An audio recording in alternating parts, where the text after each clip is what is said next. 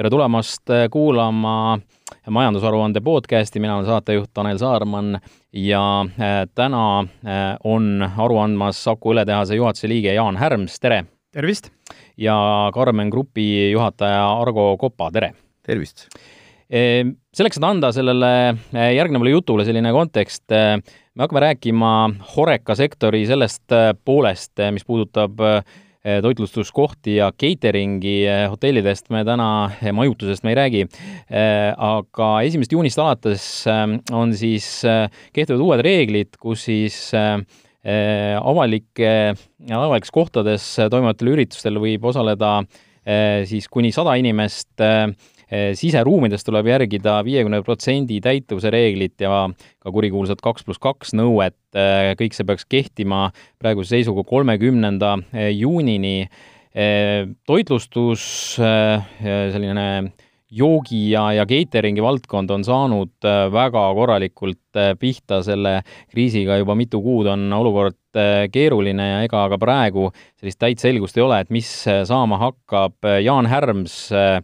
esmalt puudutaks seda, et kuidas Saku õletehasel koroona ajal läinud on, et mida, mida numbrid näitavad? no see olukord, äh, mida sa kirjeldasid, see tuli ju suure šokina kõigile, kaasa arvatud ka meile. meie näeme siis läbi oma, oma äriklientide, et kuidas see on mõjunud, et väga kiiresti ei toonud enam lennukeid äh, Eestisse turiste,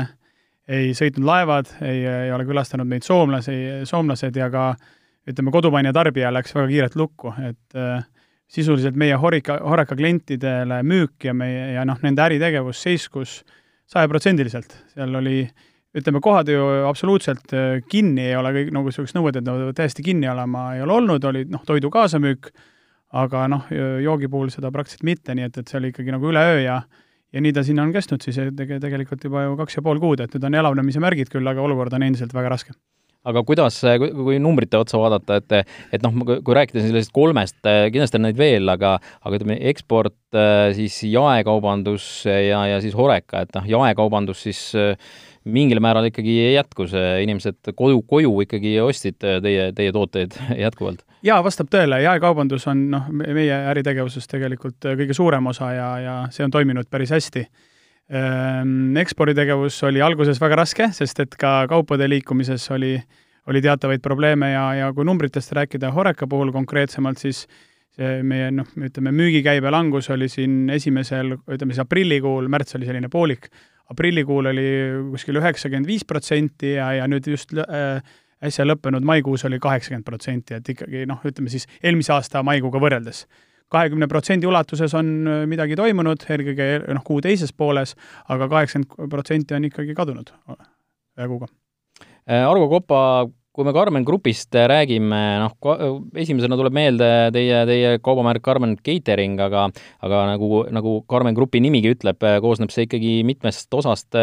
lühidalt enne räägime selle ära, et, et mis, mis teil seal selles grupis siis täpsemalt on? noh, kõigepealt ongi Karmen Cateringi meie ka põhi põhitegevus, siis on veel kaks restorani,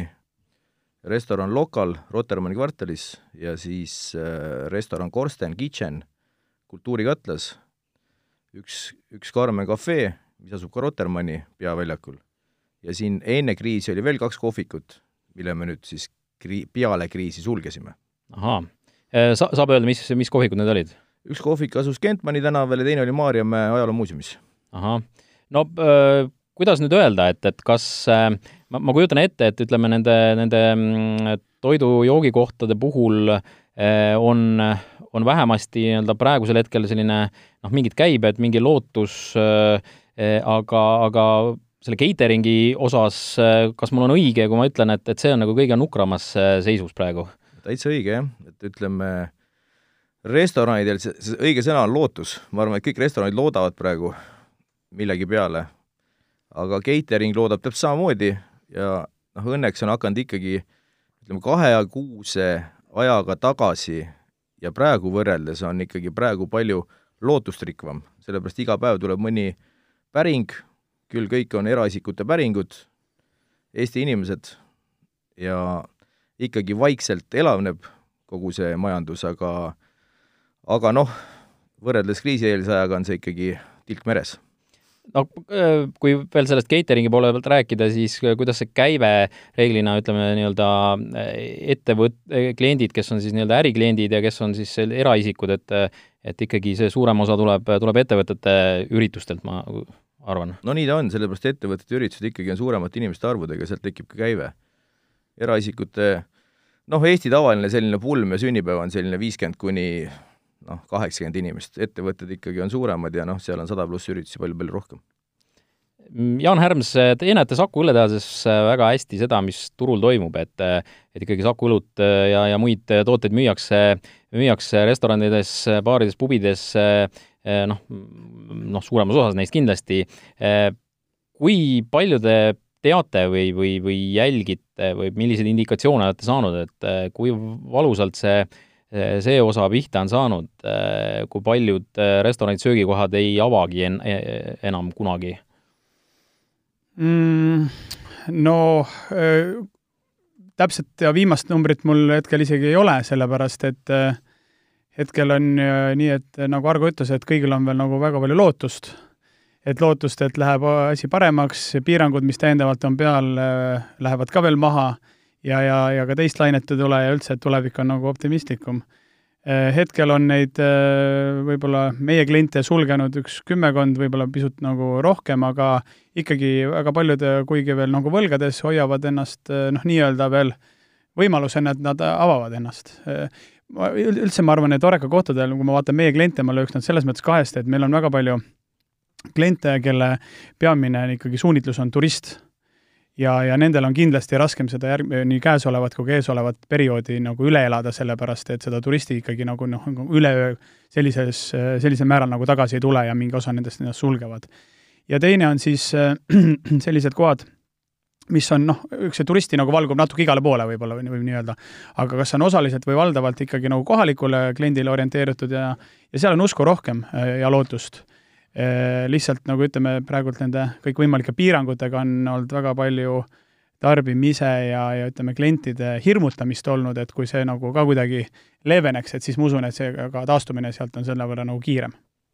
Äh, Argo Kopa, ähm, kui nüüd catering'i turust äh, rääkida, milline see Eestis välja näeb, et, et see on noh, kahtlemata selline tunduvalt kitsam ring, kui, kui on, on kogu see restoranide, baaride, pubide pool,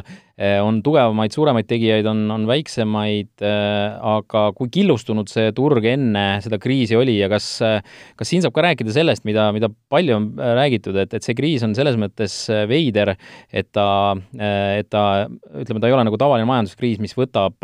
nii-öelda nõrgemad mängust välja, et ta tegelikult võibki puudutada pigem isegi selliseid suuremaid, tugevamaid, kellel on seal tööjõukulud suuremad ja tööjõumaht suurem, et, et kuidas kuidas see turg välja näeb ja mida see sellele catering'i sektorile nagu tuua võib? no catering'i turg enne kriisi oli selline, turul oli kuskil viis-kuus võib-olla suuremat tegijat, kes siis jagasid seal, ma ei tea, seitsekümmend protsenti turust võib-olla ja siis kolmkümmend protsenti oli lihtsalt selline noh, restoranid tegid peolaudu ja nii edasi. ja see kriis mõjus kõigile ühtemoodi, et see oli väga lihtne, kõik läks nulli, selles mõttes, et, et kui me istusime ükskord laua taga, tegime, pidasime koosolekut tund aega, siis selle, see oli täpselt kolmteist märts, siis sellel samal ajal tulid noh, meil arvutitesse niisugused äraütlemised vist sada tükki tunni aja jooksul. meil oli ette müüdud, suur töö oli tehtud ja noh, nii oli kõigil, et selles mõttes, et siin väga nagu, väga nagu eristada ei saa neid firmasid ja ma arvan, et noh, kõigil on ühesugune eesmärk, kuidagi ellu jääda, et äh, töötajatel oleks toit laual, firmad oleks elus ja nii ta on.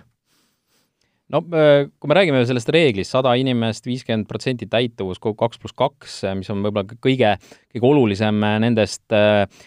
siis mida need, mida need reeglid teie ärile täpsemalt tähendavad, Argo Kopale siis küsimus, et mis see noh, selles mõttes ma, ma saan ikkagi aru, et see kaks pluss kaks on see, mis, mis, mis praegu tekitab kõige enam äh, sellist äh, muret ja, ja, ja ka noh, küsitavusi siis. jah, eks see kaks pluss kaks ole selline reegel, et äh, kindlasti peavad, me peame olema kõik ju väga hoolikad, et vaadata, et see viirus uuesti, uuesti siia meile laiali ei pääseks, aga, aga see kaks, ma arvan, et catering'i turul on sedasi, et kui see kaks pluss kaks jääb ja on, siis suuremaid, suuremaid üritusi lihtsalt ei tellita, sellepärast et äh, noh, eraisikuna sa sünnipäeva või pulma või peied ikka teed, eks ju, et selles mõttes see on selline enda risk, aga firmadele on see ikkagi risk niisugusele, niisugusele noh, kas või niisugusele enese, kuidagi enese no kuidas ma ütlen nüüd seda, selles mõttes, et no üldse oma tegevusele jah, või tegevusele ka mainele. mainele Jah, ja,, tegelikult mainele, et et kui sealt tõesti keegi ütleb, et ah, mind see kaks pluss kaks ei huvita ja siis kuskilt poolt see ajakirjandusse läheb, siis ma arvan, et see mainele pole väga hea, noh. Jaan Härms, jälle räägime ka sellest kaks pluss kaks reeglist, et ehm, noh, ühest küljest ta, ta justkui nagu kehtib, samas olen mina kohanud ja ma arvan, et paljud, kes on, on väljas ringi kõndinud ja käinud ja astunud ka mõnesse toidukohta, joogikohta sisse, et, igal pool seda selgelt ei, ei järgita ja, ja, ja noh, ütleme niimoodi, et noh, milline, milline see sõnum peaks praegu olema valitsuse suunas, noh, ühest küljest võiks ju öelda, et, et kaotame selle ära, teisest küljest võiks öelda, et, et kontrollige siis ka, ma ei tea, suuremate jõududega, mis jälle tundub selline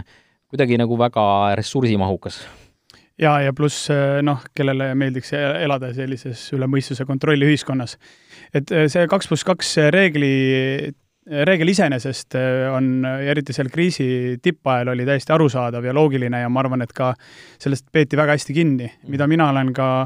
hiljuti ise kritiseerinud ja ka noh, täna kirjutan sellele alla, on siis selle, ütleme, reegli aktuaalsus tänasel hetkel ja, ja miks peab ootama veel esimese juulini, et mis need, nagu need maagilised kuupäevad on esimene ja esimene kuu kaupa, et sellest ma ei ole nagu aru saanud. See reegel jah, millele saatejuht ka praegu nagu vihjas, on see, et et ta ei ole ka nagu aktuaalne selle, selle tõttu, et ega sellest nagu väga nagu kinni ei peeta. ja selle all ma pean silmas see, et on kohti, kus peetakse ja väga nagu võib-olla ka pingsalt, sellepärast et noh, on nagu kehtiv reegel ja seda peab järgima,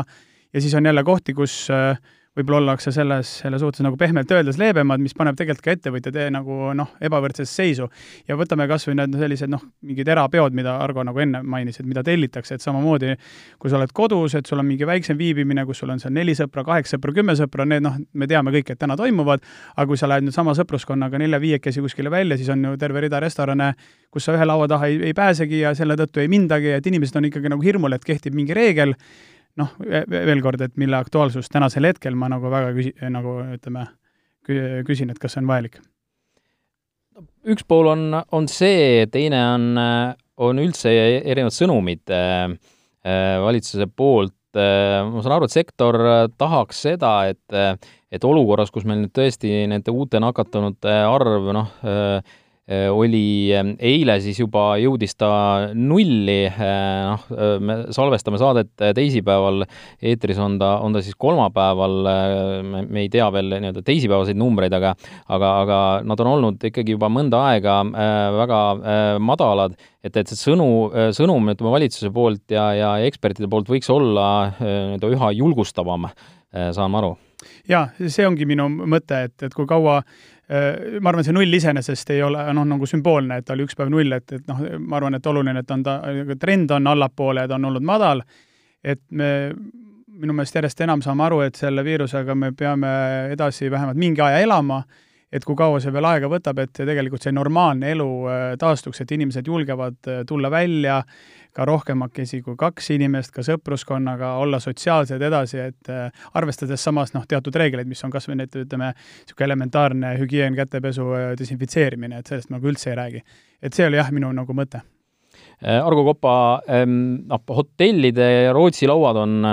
on äh, nii-öelda ära kaotatud praegu hetkel ajutiselt, äh, noh, ma ei tea, kas igal pool, aga aga on kuulda, et, et pakutakse nagu teistmoodi hommikusööki nii-öelda otse siis köögist tooduna. Ähm, samamoodi kaupluste need äh, kuumatoiduletid, kus inimesed said ise endale toitu tõsta samade kulpide ja, ja lusikatega, on ka kinni olnud. ma tahtsin küsida seda, et, et mida see kriis ja see nüüd selline noh, inimestele on jõudnud kohale selline tõesti käte puhtus ja kogu see desinfitseerimise pool, mida see catering jaoks selles mõttes tähendab, et kas, kas selline Rootsi lauastiilis catering, on ta, on ta nagu päris nagu ära kadumas või, või muutub ta mingile teisele kujule või? ei, ma arvan, et ta pigem muutub teisele kujule, jah. et selles mõttes päris Rootsi laud, ma ei usu, et ära kaob. et aga see kindlasti muutub jah, see asi, et inimesed ei tõsta ise endale salatit ühe sama lusikaga taldriku peale, pigem tekivad sellised erinevad station'id või sellised lauad, kus taga on siis teenindajad või kokad, kes,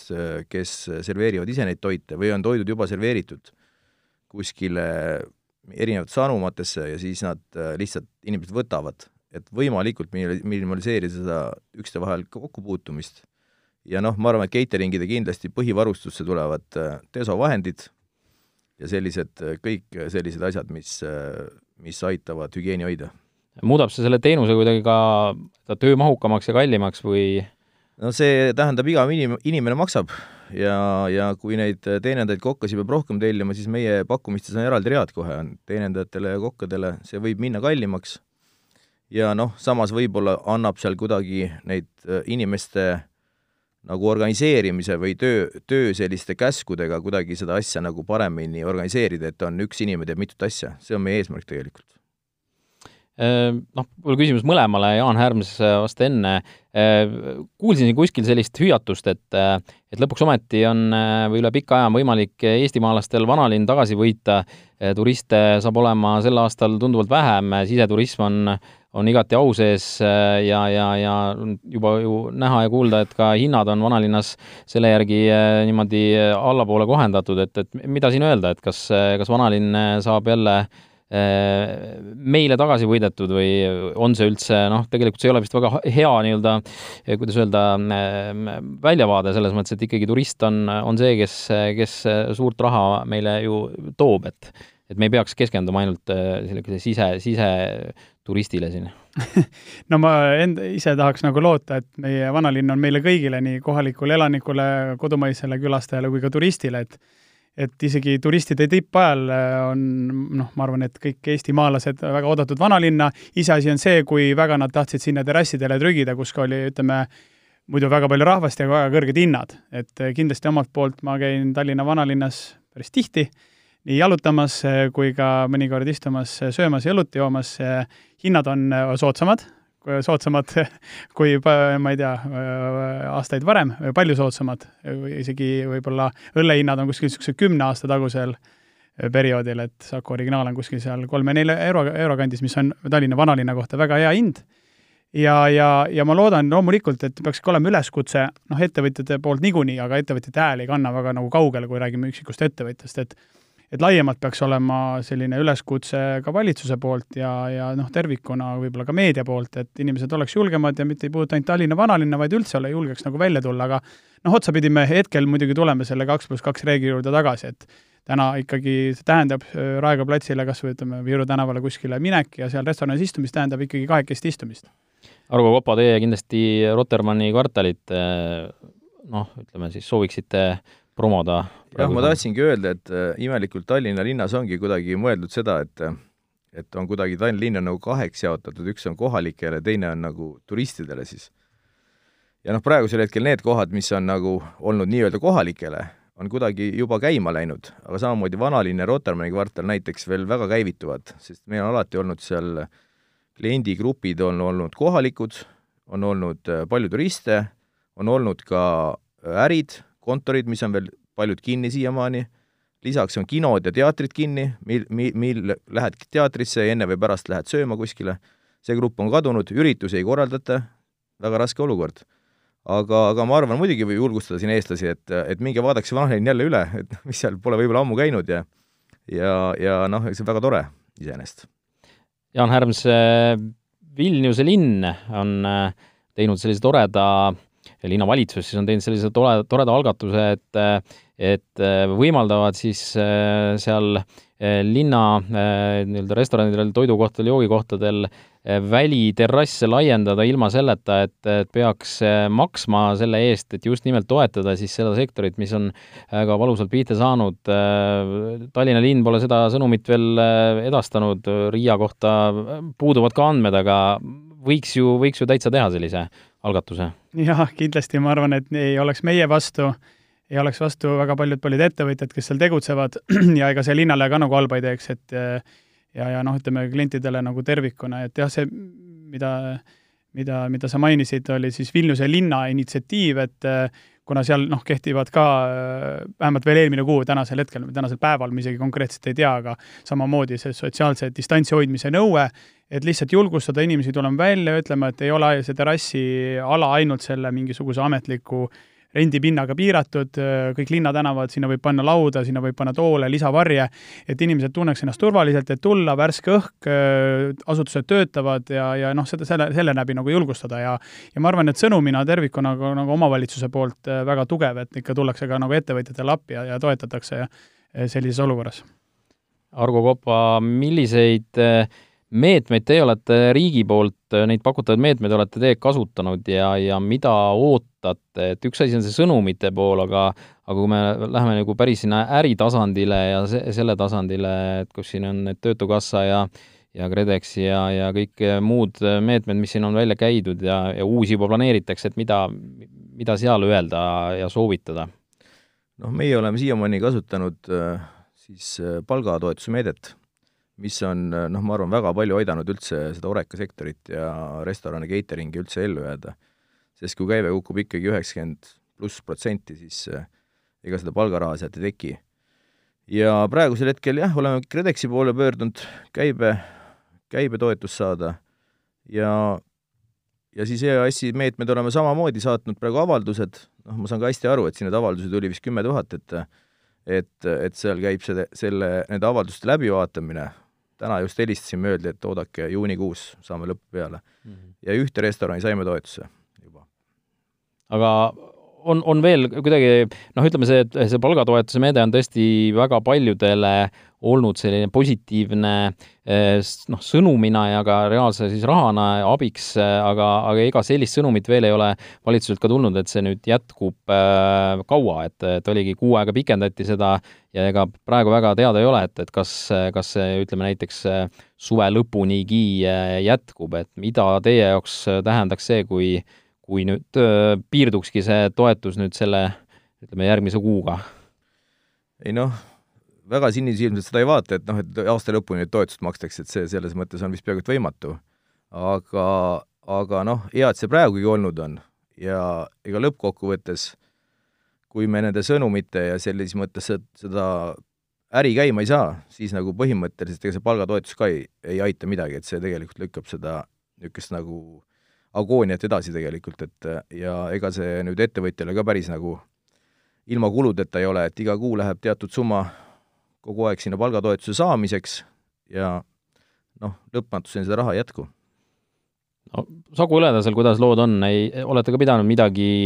võtma abiks või ei, ei ole, ei ole nende meetmetega ennast, ennast praegu sidunud? ei, ei ole olnud ka selleks kõlbulikud, ei ole olnud ka vajadust neid kasutada, et et kui ma enne kirjeldasin, et kui suur oli mõju meile Horekale, mis kogu sektori müük kukkus tervikuna, siis ikkagi meil nii see jaemüügi osakaal kui ka, kui ka ekspordi noh, enam-vähem samal tase-, noh, peaaegu samal tasemel toimimine on, on meid nagu aidanud nii palju, et me, meie, meie käibelangus on viimased kuud olnud kokku umbes kakskümmend protsenti, et me nagu ütleme, kui me paljud oma Horeca klientidega ennast võrdleme, siis noh, mõnikord on nagu piinlik öelda, et meil on raske aeg, kuna meil kogu käive siin langeb kakskümmend või ütleme, aprillis oli kakskümmend viis protsenti, et siis seda on natuke nagu raske öelda, et sest no, nagu no teisel pool on kliendid pikaajalised paljud, kellel käibed on ikka kukkunud noh, ligi sada protsenti. no mida, mida öelda nagu kuidas, kuidas siin mingeid prognoose saab üldse teha, et, et, et nii nagu me alustasime seda eh, saadet sellise sõnaga nagu lootus, siis, siis tõenäoliselt eh, ega siin eh, me peame, peame seda liini ka lõpu, saate lõpus jätkama, ehk et et, et lootus on selles, et, et me oleme vähemalt selleks korraks selle viiruse ikkagi suutnud, suutnud seljatada, et need reeglid, mis siin on peale pandud, neid võetakse vähemaks ja siis Eh, noh, catering'i puhul on muidugi küsimus selles, et, et kui julgeks eh, tõepoolest eh, näiteks äripool ehk siis ettevõtted ja, ja ametiasutused muutuvad ürituste korraldamisel, et, et oli juttu ju sellest, et, et ettevõtetel võib juhtuda või võib olla selline mõte, et, et me noh, ei riski korraldada suuri üritusi, sest mine tea, kui meie oleme need, see ettevõte, kelle peolt läheb lahti uus laine, et siis, siis ei, ei jaksa seda kahju äh, keegi äh, korvata, et ähm, noh, pika, pika jutu peale küsimus, milline prognoos on suveks äh, ja lähikuudeks? oi, väga raske öelda. ma tegelikult tegin prognoose pangalaenu jaoks, aga, aga ja siis arvestasime poolega, et ütleme, eelmise aasta käibest, et pool, pool selle aasta lõpuks saaks. Praegusel hetkel, noh, see lootus ongi see prognoos, et, et eks igapäevaselt vaatad, mis sealt tuleb, teine asi, mis annab lootust, on inimesed, kes meil töötavad, kes, kes ikkagi tahavad jätkata, selles mõttes, et noh, nad elavad selles catering'i maailmas ja on elanud seal meil paljud üle kümne aasta ja ja noh, nemad tekitavad seda lootust ja nende pärast sa seal punnid, et saaks nagu selle asja ikkagi edasi viia. ja noh, eks see pool on prognoos, noh, kui see täitub, siis on hästi. Mida Saku õletehas äh, näeb, ennast äh, toidukohad ju äh, avavad ennast siin vaikselt ja, ja tõenäoliselt on juba näha, et seal tellimusi on, tellimused taastuvad. Jaa, aga, aga selle lootuse noodiga ma ühinen ja, ja mis, et inimene on ikkagi sotsiaalne loom, et et need ei tööalased koosolekud ega ka muud sellised meelelahutuslikud koosviibimised Zoomis ja Skype'is ja Teamsis, need ikkagi nagu äh, väga pikalt, ma arvan, paljusid inimesi nagu ei rahulda, et, et hetkel on ta selline nagu asendustegevus natukene. ja, ja, ja noh, kaks, tähendab, noh, kaks asja ongi, esiteks ma arvan, et me peame aktiivselt tööd tegema sellel suunal, et saaks siia tagasi turiste. Soome on kohe number üks, on kõige lihtsam meile, kõige lähedam, kõige turvalisem tulla, suured laevad, palju ruumi, palju õhku. et ikkagi julgustada ja meelitada siia tagasi Soome turiste, mis elavdaks no paljusid sektoreid kiiresti. Ja teine on siis ikkagi äh, kiire, no ütleme, kui piirangud peale tulid kiiresti, siis nende mahavõtmine võiks olla ka äh, kiirem ja, ja, ja et julgustada ka kohapeal Eesti inimesi rohkem välja tulema ja ka noh, ütleme ringi liikuma, tarbima, olema selline, nagu need inimesed meil, meil nagu tegelikkuses on kogu aeg olnud selle sõnumiga on väga hea see eh, podcast ka lõpetada, aitäh, Jaan Härms ja Argo Kopa selle huvitava vestluse eest, täname ka kuulajaid ja majandusaruanne on eetris taas järgmisel nädalal, olge terved!